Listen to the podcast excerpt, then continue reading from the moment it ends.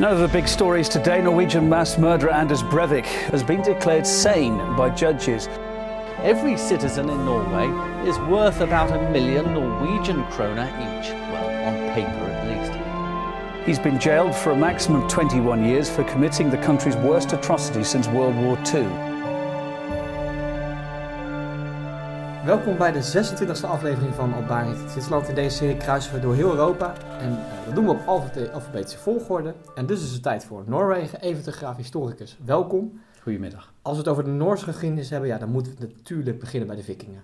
Toch? Ja, machtig interessante periode van de geschiedenis. Dat vind ik zo boeiend. 800 tot 1000 kun je eigenlijk door de bank zeggen. En uh, noodgedwongen gaan die vikingen de zee op. Het waren oorspronkelijk eigenlijk uh, handelstochten die dan ontaarden en uiteindelijk plundertochten werden. Maar de oudste zoon die uh, erfde dan de boerderij en die jongen die moest maar zien hoe ze aan de kost kwamen. Nou, die grondjes die ze gecultiveerd hadden, die waren te klein om meerdere gezinnen in leven te houden. Dus die gingen de zee op, visvangst, maar ook handel drijven. En wat die vikingen allemaal niet voor een ja, rijke landen bezocht hebben en ook rijke gesticht hebben, bizar. En dan moet je denken met die open drakenschepen. En ik heb wel eens een keer gehoord dat ze ook uh, raven aan boord hadden als ze dan uh, te ver van de kust afdreven en het land niet meer zagen. Want ze voerden, uh, voeren oorspronkelijk langs de kusten om niet te verdwalen. Dan lieten ze een raaf los en dan cirkelde die raaf eventjes in het luchtruim en dan koos die ergens een bepaalde richting, in de richting van land, dachten de vikingen. En dan voerden ze die kant ook weer op. En zo hebben ze echt de, de Vaareur ontdekt, ze hebben Engeland ontdekt, ze hebben nou ja, Europa ontdekt natuurlijk, Normandië, daar kom je de naam nog tegen. Ze zijn op Sicilië geweest, uiteindelijk kwamen ze zelfs in Constantinopel terecht. Via het noorden zijn ze uiteindelijk ook in Rusland terechtgekomen, de Dnieper afzakkend in Kiev, komen ze elkaar weer tegen. Geweldig. Boeiend ja. volk. Het, het, heeft iets heroïs, hè? Het is ook, ja, het, het ook gewoon, gewoon enorme plunderaars, ja. maar uh, uh, het heeft wel iets, iets, uh, iets moois. Ja. Dan slaan we een heleboel unies over, die van Kalmar, Denemarken. En dan volgt de unie met Zweden. Um, en dan zitten we een stuk verder in de geschiedenis. En Noorwegen uh, werd eigenlijk verdeeld als, toen als oorlogsbuit. Ja, inderdaad. Je zegt het al, de Unie van Kalmar heb je gehad, dat ze echt met name onder de knoet van Denemarken zaten. Dan krijg je dus de persoonlijke unie, die er was, personele unie, van 1814 tot 1905 met Zweden. En de Zweden die werden daar de baas en die hebben dat ook duidelijk laten merken. Uh, want het was, uh, de Zweden die komen over het algemeen ook uh, als hele rustig, sympathieke mensen dus voor het voetlicht. Maar die Zweden lieten wel duidelijk merken dat zij het voor het zeggen hadden. Want de Noorse taal werd eigenlijk ja, haast verboden.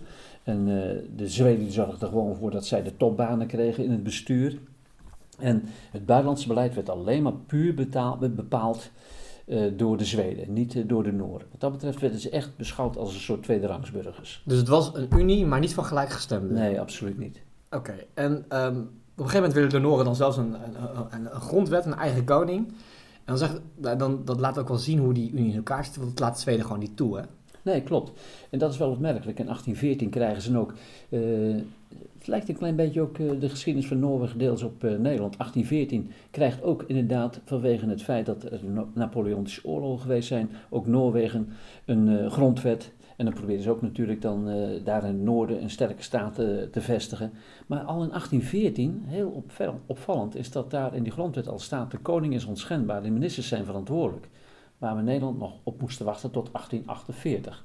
Maar uh, het parlementenstorting, een mooi woord ergens, uh, uh, dat stond helemaal onder invloed van nou, de Zweden en met name ook de Zweedse koning had, ondanks dat hij onschendbaar was, nog best een hele grote rol. Dat was dan koning Karel XIII, die, moet ik eerlijk zeggen, best sympathie had en ook onder de, met name Zweden, maar ook wel bij de leidinggevende weer van de Noorden, probeerde er het beste van te maken.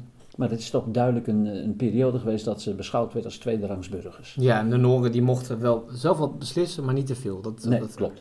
Uh, de, de, economie komt op in eind 19e eeuw. De Noorse samenleving verandert daardoor ook. Uh, de steden worden belangrijker. En dan komt de Unie ook steeds verder in het nauw, hè? Ja, klopt. Uh, ook dan, ook in Nederland, zo rond 1870, ook daar zie je de opkomst van de industriële revolutie die, die komt opzetten ook in, in Noorwegen. Dan zie je dat er meer geld wordt gestoken in, de scheepvaart, in de visserij, in de mijnbouw, in de industrie. En je ziet met name ook de steden groeien. Dan zie je echt een trek van het platteland, dat heet dan urbanisatie, naar de grote steden toe. En die groeien en bloeien, moet ik eerlijk zeggen. Oslo, Bergen, Trondheim, Narvik, dat beginnen hele belangrijke steden te worden. Er wordt de allereerste spoorlijn ook aangelegd in 1854, ik meen van Oslo naar Bergen als ik het goed heb. Dat zie je dan volop gebeuren. Aan de andere kant misschien ook wel vermeldenswaard. Het, het gaat wel goed aan, aan de ene kant met, uh, met Noorwegen. Maar je ziet ook dat er een aantal mensen toch niet aan de bak komen. En wat gaan die doen? Dat vind ik een vrij grote immigratiegolf. In de periode 1866 tot 1914 zijn er maar liefst 700.000 Noorden gaan emigreren naar Amerika omdat ze toch vaak niet aan de bak kwamen. En daar in het land van melk en honing, eh, waar alles kon, eh, waar uh, alle mogelijkheden waren van krantenjong opklimmend tot miljonair, daar gingen ze naartoe. Dat is, vrij, dat is een vrij groot, want ik neem aan dat de Noorden geen, uh, dat zijn geen, dat is geen 100 miljoen bevolking. Dus dat is best wel groot. Heel groot, ja. Een hele grote bevolkingsgroep. Ja. Uh, dan gaan we richting de Eerste Wereldoorlog. Uh, Noorwegen Misschien wordt... wel goed even te vertellen toch dat ze uiteindelijk in 1905 zelfstandig worden. Hè? Dat ze dan ja. uh, toch wel inzien dat het een, ja, een band is die losgemaakt moet worden. En dan wordt er zeker Karel van Denemarken, Sleeswijk-Holstein, Glücksburg, die wordt dan de nieuwe koning. En die krijgt dan de naam koning Haakon de zevende. En die heeft een hele lange periode heeft hij geregeerd. ik meen van 1905 tot 1957. Een hele sympathieke en kundige koning geweest. En hij overleeft dus twee wereldoorlogen. Dat ja, hij maakt inderdaad twee oorlogen mee. Ja. ja. nou we beginnen bij de eerste. Uh, in 1907 wordt de neutraliteitspolitiek door Noorwegen omarmd. Hoe pakte dat uit? Uh, ja, inderdaad. Het uh, werd vastgelegd in 1917. Er was een verdrag van Noorwegen met Engeland, Frankrijk, Rusland en Duitsland. En ze beloofden de territoriale integriteit en zelfstandigheid van Noorwegen te eerbiedigen. op papier stond het allemaal heel erg mooi. Uiteindelijk bleek het inderdaad ook uh, waarheid te zijn wat de Eerste Wereldoorlog betrof. Konden ze inderdaad neutraal blijven, maar later zullen we zien bij de Tweede Wereldoorlog wie niet. Uh, nee, en de bijnaam van, van Noorwegen was de neutrale bondgenoot. Ja. Daar zit toch wel, daar, daar zit wel iets in. Wat, wat, wat, bedoel, wat daarmee bedoeld? Ja, neutrale bondgenoot, uh, dat is natuurlijk een contradictie in terminis. Hè. Hoe kun je nou inderdaad neutraal zijn en bondgenoot? Dat kan niet. En toch leefde dat heel sterk in, in Noorwegen dat ze veel meer sympathie hadden voor Engeland dan voor Duitsland. En uh, met name ook uh, in die Eerste Wereldoorlog, misschien toch goed even te vertellen, hebben en de Noorden, ook de Nederlanders, ontzettend veel last gehad van de Engelse blokkade op zee. Als de Noorden echt de handel wilden drijven, werden boten vaak op zee aangehouden enzovoort. En ook uh, gecontroleerd op welke waar ze bij zich hadden. Soms werden inderdaad wel eens een keertje Noorse schepen beschoten als ze inderdaad geen gehoor gaven aan dat ze moesten stoppen. Dat was één. De Engelse blokkade leverde veel problemen op voor de handel en de scheepvaart. De Duitsers die om die blokkade te doorbreken, hadden met name ook het wapen van de onderzeeboten ingezet, de onderzeeoorlog. En ook die hebben heel wat, uh, en Nederlandse, maar ook vooral Noorse schepen uh, beschoten, waardoor inderdaad ook uh, veel Noorden zijn omgekomen in de oorlog. Neutraal, maar toch ook verder die Eerste Wereldoorlog slachtoffers, met name door de tactiek van de Engelsen en de Duitsers op zee. Ja, precies. En het was natuurlijk geografisch gezien een interessant land. het is een heel belangrijk land om, om, en eigenlijk dezelfde rol als Nederland, ook eigenlijk een soort uh, ja, illegaal doorvoerland voor bepaalde producten die dan ja. uh, toch nog weer bij hun in Engeland of in Duitsland terecht konden komen. In de Tweede Wereldoorlog zien we dat, dat Hitler die traditionele akkoorden en die neutrale landen uh, anders aanpakt, dat hij daar eigenlijk mores aan heeft. En ook Noorwegen, dat, wordt, ja, dat, dat moet daar aan, aan onder... dat moet eraan geloven. Ja, dat moet eraan geloven. Ja. En dat heeft alles te maken met het feit dat uh, Noorwegen, dat moest hij hebben, Hitler, en ook Denemarken, vanwege het feit dat in uh, Zweden ontzettend veel ijzererts gedolven werd.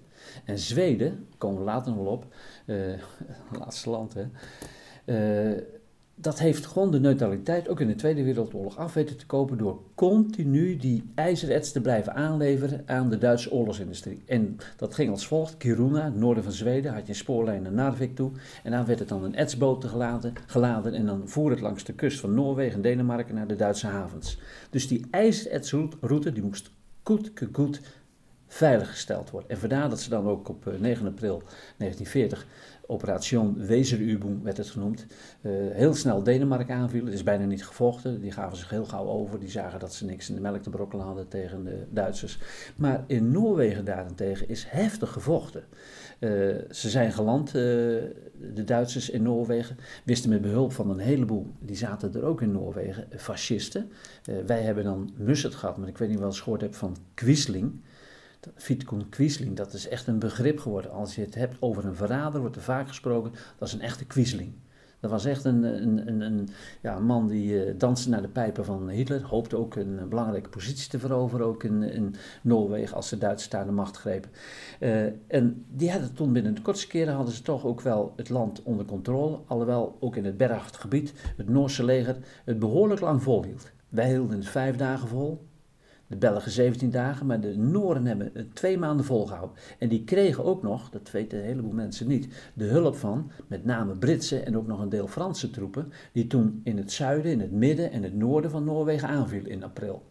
En die werden toen al heel snel, na een paar weken, bleek echt een, een debakel te zijn voor de, de Engelsen en voor de Fransen. Werden ze teruggeslagen door de Duitsers en waardoor dus inderdaad Noorwegen uh, de hele oorlog bezet gebied is geweest. Er was een afgang voor Engeland en de toenmalige premier, dat was toen nog uh, Chamberlain, uh, die moest aftreden en kreeg op 10 mei 1940 kreeg je toen een nieuwe premier in Engeland aan de macht. Dat was Winston Churchill was toen eigenlijk nog wel minister van Marine. In wezen hadden ze misschien hem ook weer die nederlaag uh, in de schoenen kunnen schuiven. Maar het uh, kwam allemaal neer op de schouders en op het hoofd van uh, Chamberlain. Ja. En hij kon toen de grote, sterke nieuwe man worden in, in Engeland. Maar het gevolg was wel, toen ze teruggedreven werden, dat Noorwegen helemaal bezet werd door de, de Duitsers. En ook wel interessant om te vermelden is dat de Duitsers niet alleen maar dat ijzerets nodig hadden, maar dat ook bepaalde plannen om met behulp van vallend water eh, dat heb je daar volop, witte steenkool, uh, hadden ze het plan om daar zwaar waterfabriek te bouwen in Veemork. Dat is uh, in Telemark. En dat hadden ze nodig voor een geheim atoomprogramma.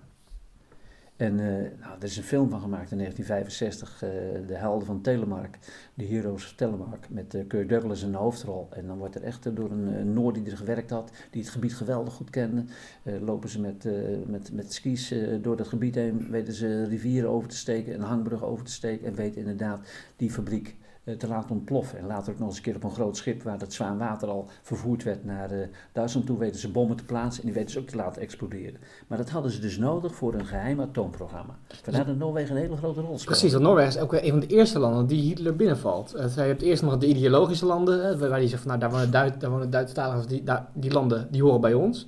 En dan komt toch ook de, ra de ratio naar boven. Nou, we hebben Noorwegen nodig. en het zwaarwaterprogramma.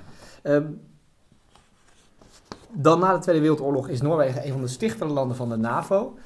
Zagen zij in uh, dat ze bondgenoten hadden na de Tweede Wereldoorlog. Dat ze dachten, ja, tegen zo'n macht kunnen wij niet op als relatief uh, ja, klein land, kan ik niet zeggen natuurlijk. Maar als... Het is een klein land, maar heel weinig inwoners natuurlijk. Hè. Het is een groot land, maar weinig inwoners. Uh, zeg ik het ja, verkeerd? Ja. ja. een groot land. Ik was een keer in Noorwegen, toen zei in Noor, als je het land uh, omkiepelt, dan komt de punt, het noorden weet je wel, bij de Noordkaap, mm -hmm. komt helemaal bij, nou eigenlijk bij Rome terecht. Het is geloof ik van noord naar zuid wel 3000 kilometer lang.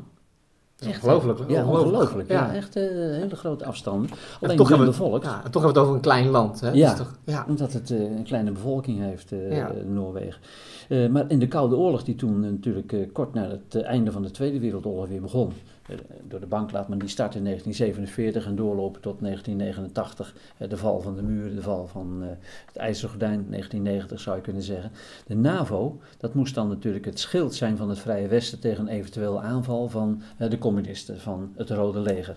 En met name Noorwegen die voelde zich best natuurlijk ja, bedreigd door de Russen, want het grenst in het hoge noorden, daar de, de, de, de Lappen of te samenwonen, grenst het aan Rusland. En er ligt ook de Russische haven Moermansk, een hele belangrijke oorlogshaven. Dus uh, ze zijn eigenlijk buren van uh, Rusland. En vandaar dat ze natuurlijk heel graag uh, deel uitmaakten van de NAVO.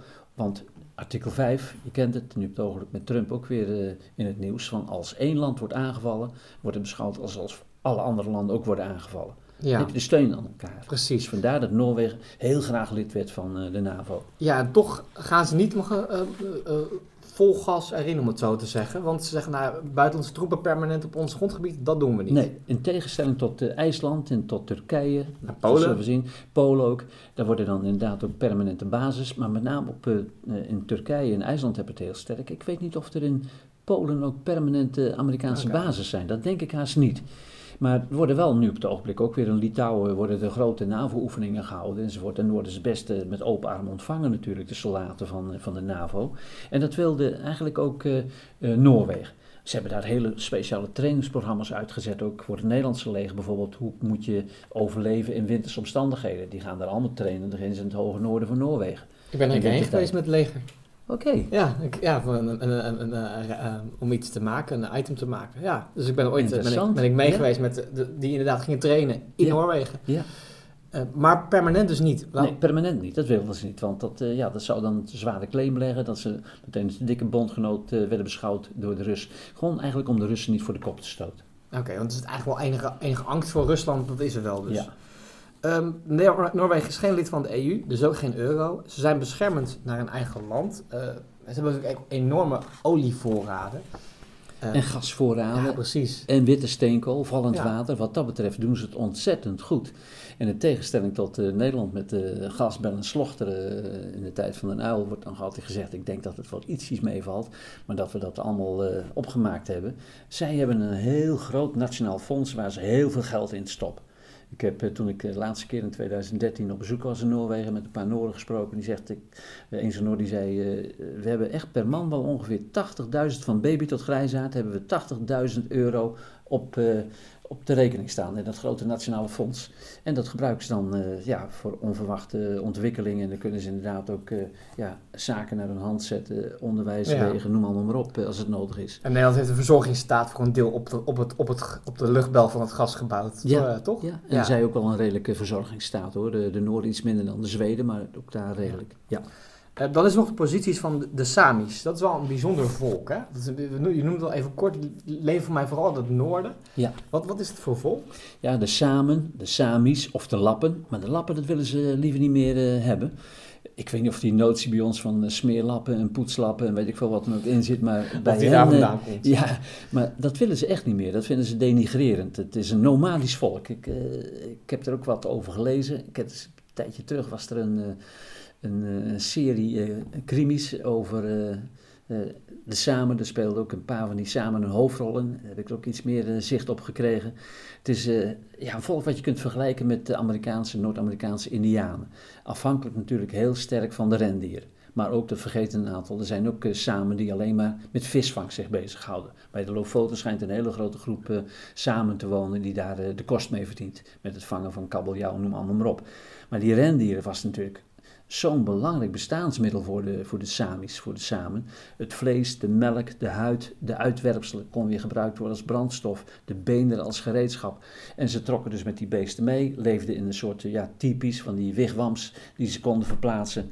Maar tegenwoordig heel veel van die samen, die, eh, die woonden gewoon permanent eh, vast in een, eh, ook een redelijke woning. En alleen in het seizoen trekken ze dan met die beesten mee, met hun sleden enzovoort. Maar het is een, een, heel boeiend volk en wat niet alleen in Noorwegen ligt, maar ook natuurlijk in Zweden, Finland en zelfs ook deels nog in Rusland. Ja, en in Noorwegen hebben ze een speciale positie. Hè? Ze hebben een eigen, eigen, eigen, soort van eigen regering, klopt dat? Ze hebben nou een eigen regering. eh, ze hebben wel een eigen volksvertegenwoordiging. Of je dat ook een regering mag noemen, dat weet ik verder niet. De Samen-ting wordt het genoemd. De Samen, een ting, dat zit ons woord gedingen. Dat is een bijeenkomst waar mensen bij elkaar kwamen om rechtszaken te bespreken enzovoort. Daar komt het oorspronkelijk vandaan. En Karasjok is dat plaatsje, dat ligt hoog in het noorden. En dan komen ze met elkaar en ze hebben het voor elkaar gekregen dat ze inderdaad toch wel een speciale status kregen. Eh, ze hadden een eigen parlement dan. Eh, dat is toch wat anders dan de regering natuurlijk. eh, Ja. Denk ik wel. Ja. Maar wel met, eh, met onder andere ook eh, dingen die vastgelegd waren dat ze hun eigen taal mochten blijven gebruiken. En ook hun eigen cultuur, hun eigen leefwijze moest beschermd worden. En ze mogen niet gediscrimineerd worden. Staat er nog letterlijk ook, geloof ik, in een bepaald voorschrift. Maar dat gebeurt volop. Net als wij, eh, je ziet het ook met de Indianen weer in Noord-Amerika. Het zijn Amerikanen, maar die worden echt gediscrimineerd door de Amerikanen. Ja. Die, kijken er echt eh, met, met minachting vaak op de roodhuiden neer, op de Indiaan. Dat vind je daar ginds ook toch wel. En ze mogen ondanks alles hun rendieren houden. Daar heb je bewegingen van, eh, nou, we moeten natuurlijk eh, dierenrecht enzovoort, mag dat allemaal wel. Maar dat is toch wel vastgelegd dat ze dus inderdaad ook, in Rusland zelfs een eigen visgebied hebben ze toegewezen gekregen. En je ziet het ook trouwens in Australië met de aboriginals. Hoe staan die op neergekeken? Maar die beginnen dit soort dingen ook eh, te Ja, organiseren. Dus eigenlijk steeds meer dat, die, dat, die, dat er toch een, in die groepen een kleine groep is die, die nog eh, naar voren stapt en gerechten weet af te dwingen. Klopt. Dat is eigenlijk wel, wel mooi, hè? Ja. Ehm, in de voorbereiding van dit, van dit gesprek eh, hadden we het over, nou, het is eigenlijk toch een rustig land. We hebben het al met Denemarken en Finland gezien. Eh, eigenlijk een baken van rust in deze serie. En toen zei ja, maar dan vergeet je wel een historisch heel belangrijk feit van niet zo lang geleden. Ja, en dat is Breivik. Maar om even terug te komen, je zei, en het is best wel zo, Noren zijn eh, rustig, weloverwogen mensen, de Zweden ook, van de Denen wordt het ook gezegd.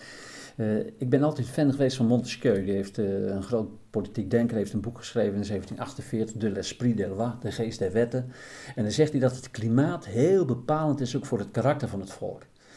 Als je in Noord-Europa woont, waar het vaak koud is enzovoort. Er zijn mensen vaak eh, koeltjes en eh, ja, onderkoeld en eh, niet zo opgewonden. Standjes wat je in bijvoorbeeld in Zuid-Europa hebt met die heet gebakende Italianen en noem maar op die daar wonen. Er zit best wel wat in. En toch aan de andere kant, we hebben gezien, daar zijn we mee begonnen met de vikingen, wat voor een doldrieste mensen dat wel niet waren, wat voor een avontuurlijke mensen, dat ze echt nergens voor terugdeinsden en dat die handelsreizen uiteindelijk ook plundertochten werden. Eh, toch heb ik ook nog eens een keer gekeken. Het feit ook dat in Noorwegen het vrij rustig is, dat merk je ook duidelijk dat daar regeringen veel vaker de vier jaar volmaken dan in andere landen. Minder kabinetscrisis, ook daar gebeurt het wel eens. Even een zijsprongetje, ik ben een fan van de Deense serie Borgen. Nou, dan zie je ook wat er allemaal gebeurt achter de schermen Ja. in politiek Denemarken. Goed, dat is wat anders dan Noorwegen, dat weet ik wel. Maar het is een vrij rustig land, totdat opeens dat eh, verschrikkelijk gebeuren plaatsvond eh, op eh, 22 juli 2011. En die Breivik, ik weet niet of het meegekregen hebt, dat wist ik ook niet. eh, maar toen ik met hem mee bezig was, kwam ik opeens tegen dat hij sinds kort een andere naam heeft. Hij heeft zich Ja, klopt. eh, ja, Ja. een andere naam aangemeten. Hij schijnt nu eh Fjotolf Hansen te heten. Maar die vent heeft een dikke pil van meer dan 1500 bladzijden geschreven, stond op internet. En die vent die had zo'n verschrikkelijke hekel aan buitenlanders, terwijl er inderdaad in Noorwegen veel minder buitenlanders zijn dan in Zweden. ja. En dat hij dacht, er moet een halt tegen hè, geroepen worden. En die heeft toen, op 22 juli heeft hij in Oslo een bom in een drukke eigenlijk, eh, regeringscentrum heeft hij laten ontploffen.